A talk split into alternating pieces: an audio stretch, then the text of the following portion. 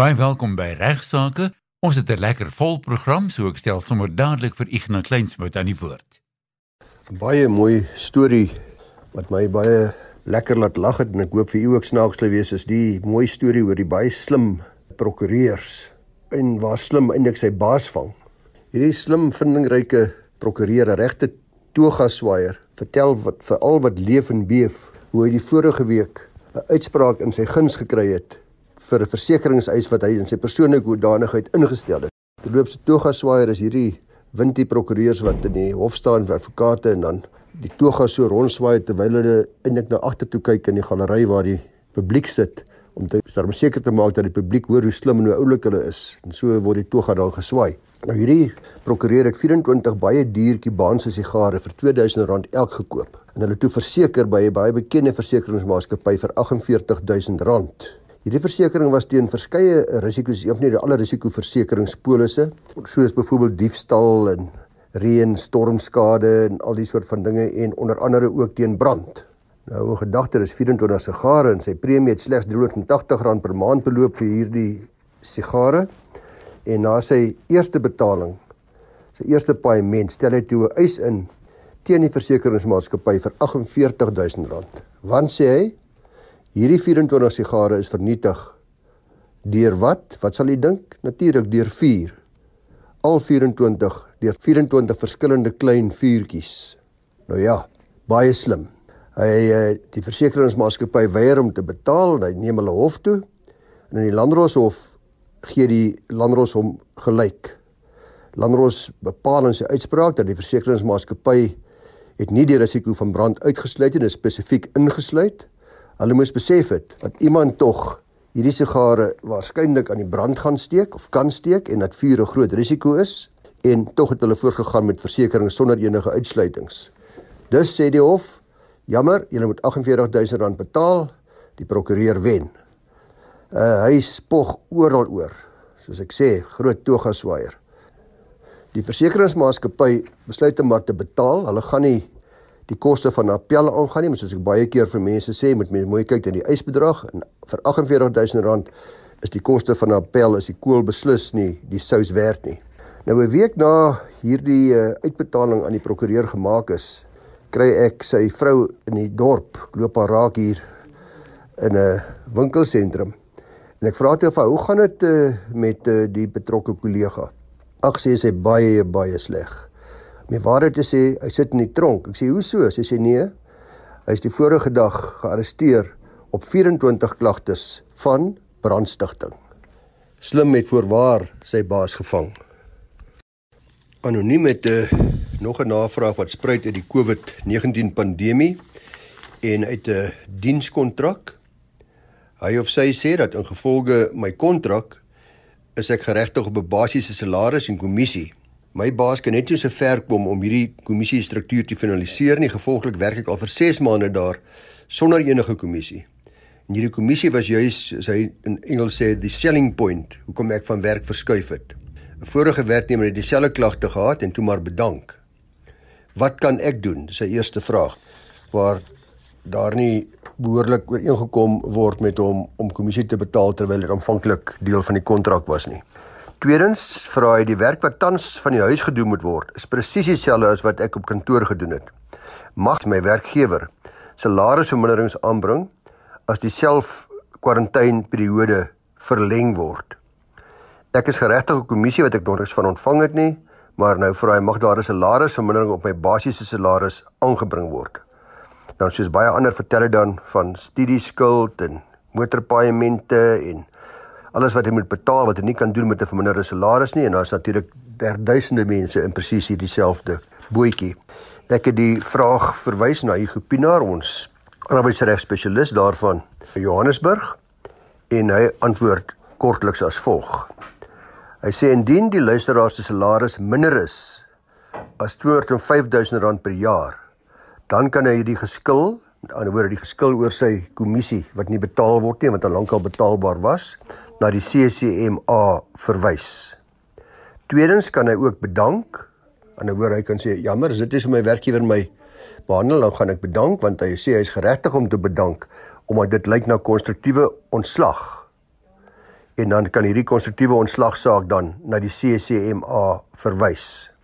Dan vervolgens uh, sê Hugo waar die werkgewer se besigheid sluit as gevolg van COVID-19 en werknemers nie meer kan werk nie, dan is dit natuurlik eenvoudig, geen werk geen betaling. Tweedens sê 'n werkgewer kan ook eensydig statutêre jou gewone verlof waarop jy geregtig is aanwend. Dus hy kan jou op verpligte verlof plaas. Jy verplig om jou verlof te neem wat baie werkgewers inderdaad gedoen het tydens die COVID-19 tyd. En derdens sê kan werkgewers ook van TERS, dis die Temporary Employment Relief Scheme, geld eis vir die tye wat u nou nie kon werk nie en daar's uh, redelike formules uh, waarop dit bereken word, die bedrag wat betaal word. Maar as dit dan betaal word deur TERS, uh dit is nou deel van die gewone uh UIF, werkne werkloosheidsversekeringsfonds wat dan 'n gedeelte van die werknemer se salaris betaal, dan moet dit natuurlik aan die werknemers oorbetaal word. Waar werknemers van die huis af werk, soos in hierdie geval van ons luisteraar, kan die werkgewer beslis nie eensydig die salaris verminder nie, want soos die werknemer tereg uitwys, doen hy nog steeds presies dieselfde werk. Dan is daar remedies aan die werknemer beskikbaar, soos wat ek reeds nou verduidelik het. Dankie uh Hugo weer eens vir die bereidwilligheid om vir ons luisteraars te help met hulle arbeidsregprobleme. 'n uh, Vraagie wat ek kry van Hetty sien ek ja, Hetty hy sê vra is dit 'n wetlike vereiste om 'n testament deur 'n prokureur te laat opstel? Sy sê my ma wil hê dat ek, ek is die enigste kind, sommer die testament self moet opstel en uh haar dis nou haar ma se testament en dan kan ek ook sommer die testatrice wees. Nou, hou net eers in gedagte, het jy daar geen probleem om om self die testament op te stel nie. Ek sal nou 'n bietjie verder daaroor gesels, maar onthou dit as jy self as getuie gaan teken waar jy self jou ma se testament opstel, dan is jy gediskwalifiseer om te erf. Dis nou net terloops. Maar die geldigheidsvereistes van 'n testament word baie mooi uiteengesit in die Wet op Testamente waar dit voorgeskryf word en daar's geen beletsel daarteen om inderdaad jou ma se testament self op te stel nie, maar Ek glo werklik nie dis 'n baie goeie idee nie. Uh, 'n uh, Testament is 'n belangrike regsdokument vir baie mense seker die belangrikste wat hulle swaar verdiende goedjies en geld het oor 'n lewe te mekaar gemaak is oor moet beslis en 'n swak testament kan verrykende gevolge hê. Baie kopsere en ek het dit baie in my loopbaan gesien vir familie en erfgename. Uh en daarom moet die bewoording van die testament so wees dat daar nie twyfel is oor wat die erflater presies wou gehad het moet gebeur nie.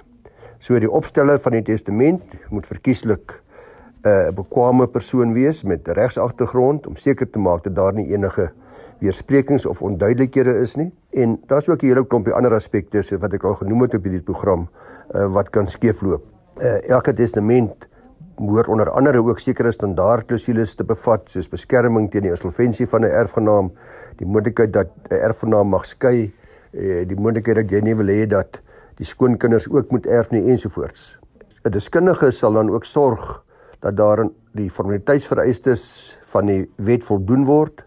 Uh ons sien dikwels in praktyk ongeldige testamente nie behoorlik geteken nie en so 'n testament kan dan of glad nie gebruik word nie of dan moet hofsaake volg. Ten duurste vertragings en regskoste en alles om die testament dan as 'n geldige testament te laat verklaar met 'n klomp probleme vir die erfgename. So luisteraars, my advies en dit gaan nie hier daaroor dat ek hier met 'n prokureurshoed opsit nie. Dis regtig uit my hart uit die advies wat ek glo die beste advies is vir almal is om eerder van 'n deskundige soos byvoorbeeld 'n prokureur wat 'n boeles en testamente werk gebruik te maak om u testament op te stel. Dan het ek nog 'n vraag hier gekry van Daan Eberson vir wie ek ook die insolvensieklausule gestuur het soos wat ek onderneem het en terloops ja nou was ek omtrent tussen 2 en 300 luisteraars wat daarvoor gevra het en uh wie op wie ek dit gestuur het. Hy vra 'n paar addisionele vrae. Hy sê dit kan miskien aandag in ons programme verdien. As mens getroud is buite gemeenskap van goedere in 1966 en hy sê daar is dan geen vermelding van 'n aanwasklausule in die huwelikskontrak nie. Hoe word dit dan in 'n boedel hanteer? Word die aanwas geïgnoreer? Dan tweedens vra hy As mens getroud is binne gemeenskap van goedere, word die langslewende se bankrekening ook gevriesel is die rekening in die langslewende se naam. En ek die laaste vraag eers te hanteer. Ja, binne gemeenskap van goedere een party te sterwe kom, dan is daar net een boedel wat dan beredder moet word en dit beteken dat albei die partye se rekeninge soos wat hulle getroud is binne gemeenskap van goedere bevries word. Wat sy eerste vraag betref huwelik in 1966 kan ek kortliks net daarna verwys, is 'n belangrike vraag want daar's al baie mense wat so getroud is dat die huweliksgoedere nuwe huweliksgoedere wet het eers in werking getree op 1 November 1984. So dan jou en baie ander luisteraars wat getroud was voor 1 November 84 sou nie geweet het van iets soos die aanwasbedeling nie en dit daar sou beslis nie in enige huweliksvoorwaarde kontrak daarvan melding gemaak wees nie.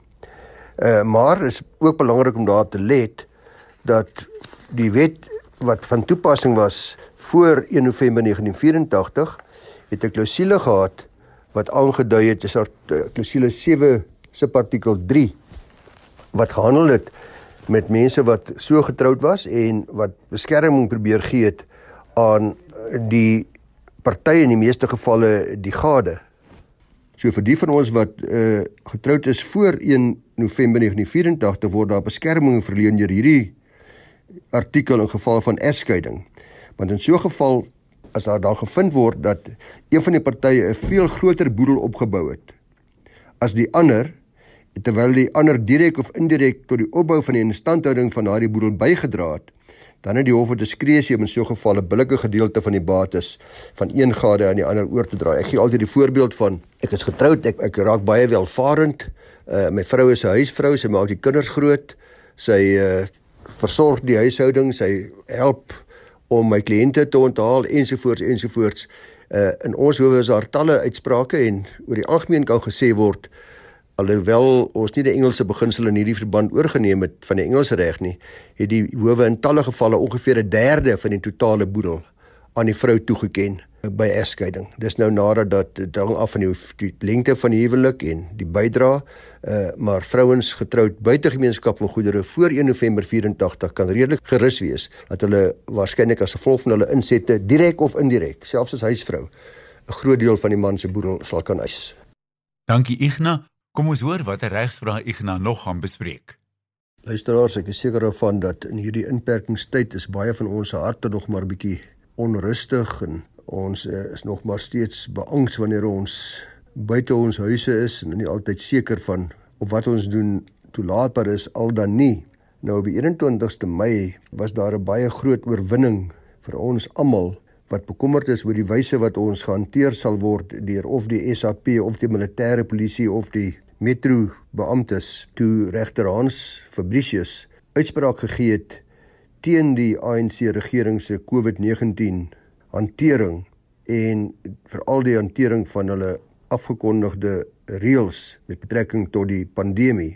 Hy het veral ook hierdeur die regte van die nie-regeringsorganisasies om die armes te voed in ere herstel ek kan die uitspraak opsom deur te sê dat op 21 Mei het die regter die regering 5 dae gegee om strukture in plek te plaas om behoorlik die optrede van polisie en die militêre magte en die munisipale beamptes te reguleer op 'n redelike en 'n beskaafde en 'n billike wyse.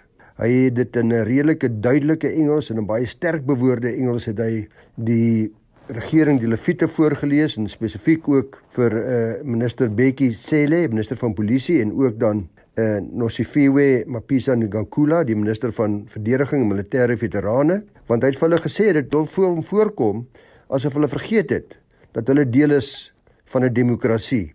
Nêrens in die wetgewing of in die regulasies of in die staatskoerante wat gepubliseer is uh, met verskeie reëls word die polisie of die militêre magte gesanksioneer om enigsins mense te martel of op wyse op te tree wat nie hulle menswaardigheid en hulle menseregte erken nie. Hy het aan die twee ministers ook 5 dae gegee vanaf 21 Mei om 'n kode op te stel wat van toepassing sal wees op die tydperk van Grendel En uh, dit is dan nou 'n kode waar volgens die polisie en die militêre magte asook die munisipale polisie moet optree.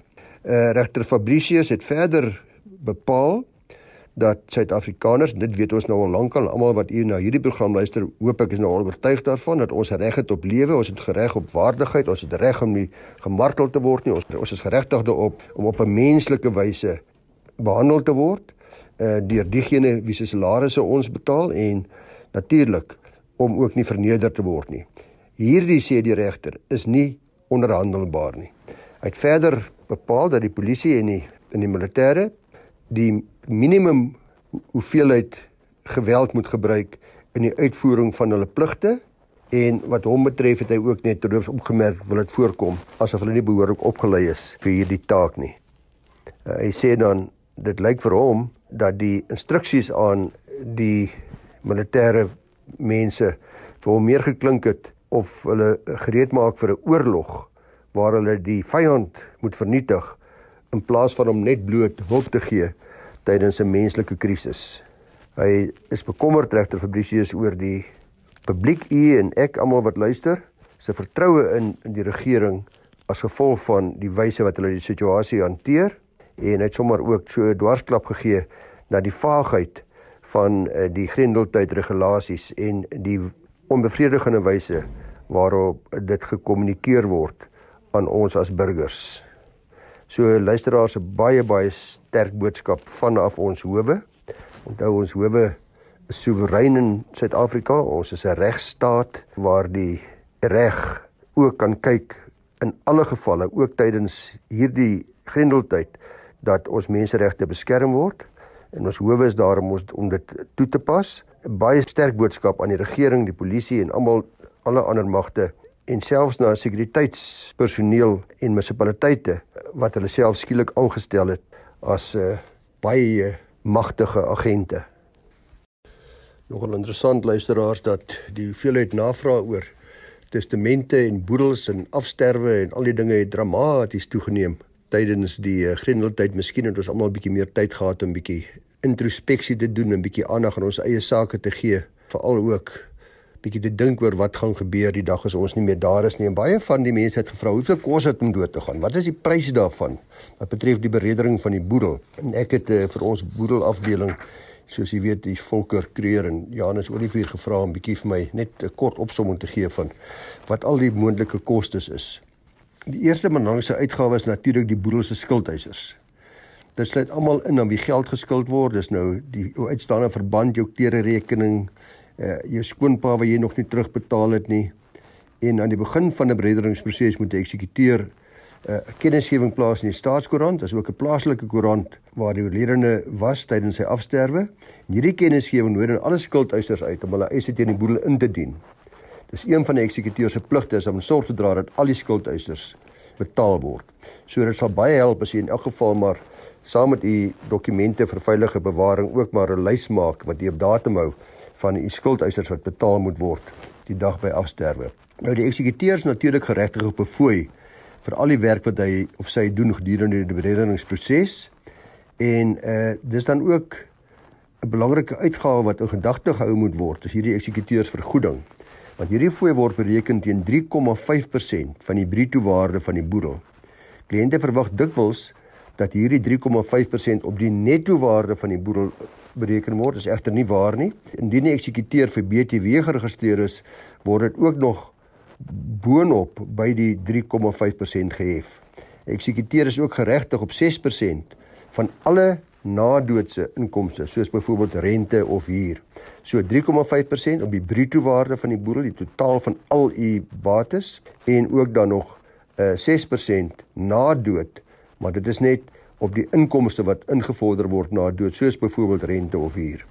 Nou nog iets luisteraars waardeur mense soms onkant betrap word is die feit dat die 3,5% eksekuteursvergoeding op die totale waarde van die gemeenskaplike boedel uitgewerk word indien die oorledene binne gemeenskap en goed getroud was. So hier dink nou maar as ek doodgaan dan gaan net die helfte van my boedel mos nou bereder word, dis nie waar nie.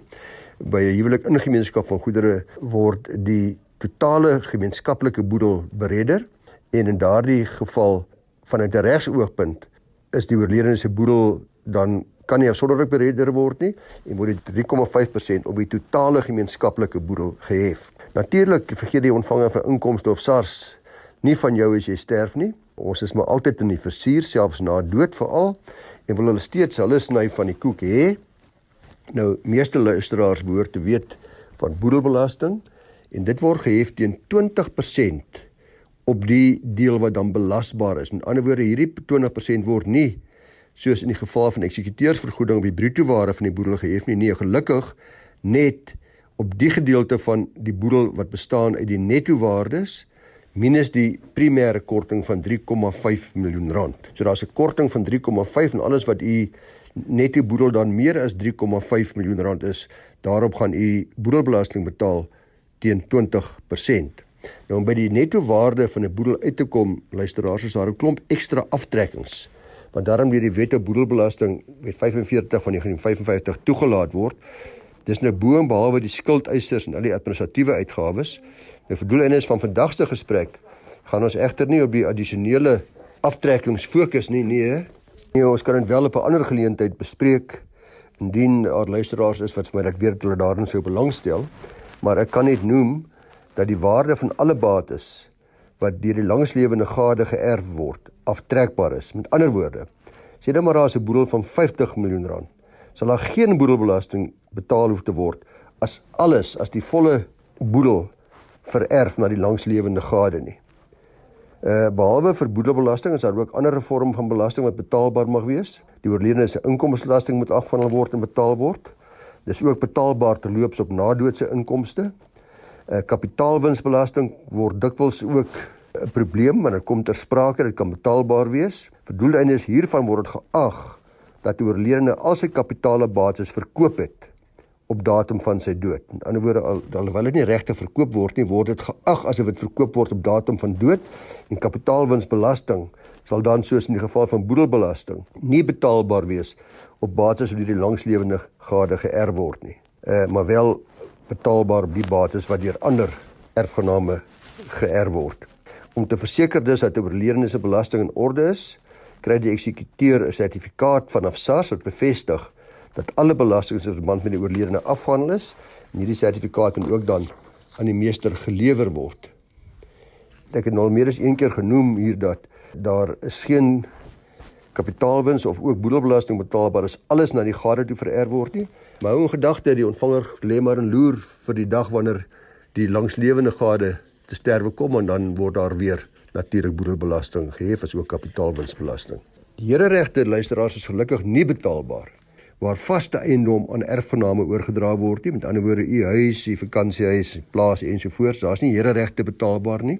So die ontvanger vat nie daar sy normale deel soos by 'n verkoping van 'n vaste eiendom nie. Dit sal wel betaalbaar wees indien die vaste eiendom uit die boedel verkoop word maar ook net as die waarde daarvan meer as 1 miljoen rand is. So as dit direk na u seun oorgedra word of die vrou geen hereregte nie, maar as hulle as dit verkoop word uh, aan 'n derde party, uh, dan is daar wel hereregte betaalbaar op die bedrag meer as 1 miljoen rand. Nou boonbehalwe skuldeisers en eksekuteurs en SARS is daar baie ander kleiner uitgawes wat uit die boedel betaal moet word. Dis maar die uitgawes wat verband hou met die bereddering van die boedel, soos die meester se kostes, advertensiekoste, versekeringspremies, dis nou versekeringspremies as die meester versoek dat die eksekuteur sekuriteit moet stel. Ons praat ook dikwels is daar sprake van waardasiekoste. Indien dan die onroerende eiendom van die boedel met 'n verband beswaar is, sal verbandskansellasiekostes betaalbaar wees ensovoorts ensovoorts. Nou al hierdie uitgawes en kostes kan dikwels 'n kontante tekort in 'n boedel veroorsaak. Nou dit beteken nie die boedel is insolvent nie, maar net dat daar nie genoeg kontant is nie om al die skuldeisers te betaal en die die eksekuteursfooi te betaal of die bereddingskoste in totaal te betaal nie. En dit kan voorkom word luister as hierdie kontant tekort sê Volker en Janus deur voldoende lewensversekering in plek te kry. Alternatiefelik sou sommige boedelbates verkoop word om voorsiening te maak en baie dikwels sal 'n mens met die erfgename gesels en kan daai kontant tekort dan inbetaal word deur hulle om seker te maak dat hulle die bates kan vererf. In ander woorde, die plaas gaan nie verkoop word nie. Ons sal liewer elkeen genoeg inbetaal om uh seker te maak daar is nie 'n kontanttekort nie en uh dit is dan 'n plan wat gemaak kan word sodat die boedelbates nie uit die boedel verkoop moet word om al die uitgawes, al die kostes by dood te betaal nie. Weereens As jy nou nog nie daarvan oortuig is nie, hoop ek ek het nou u weer daarvan oortuig om asseblief wat betref u boedelbeplanning maar te gaan praat met 'n boedelspesialis, 'n prokureur wat op hierdie gebied spesialiseer. Dis dan vandag se regsaake.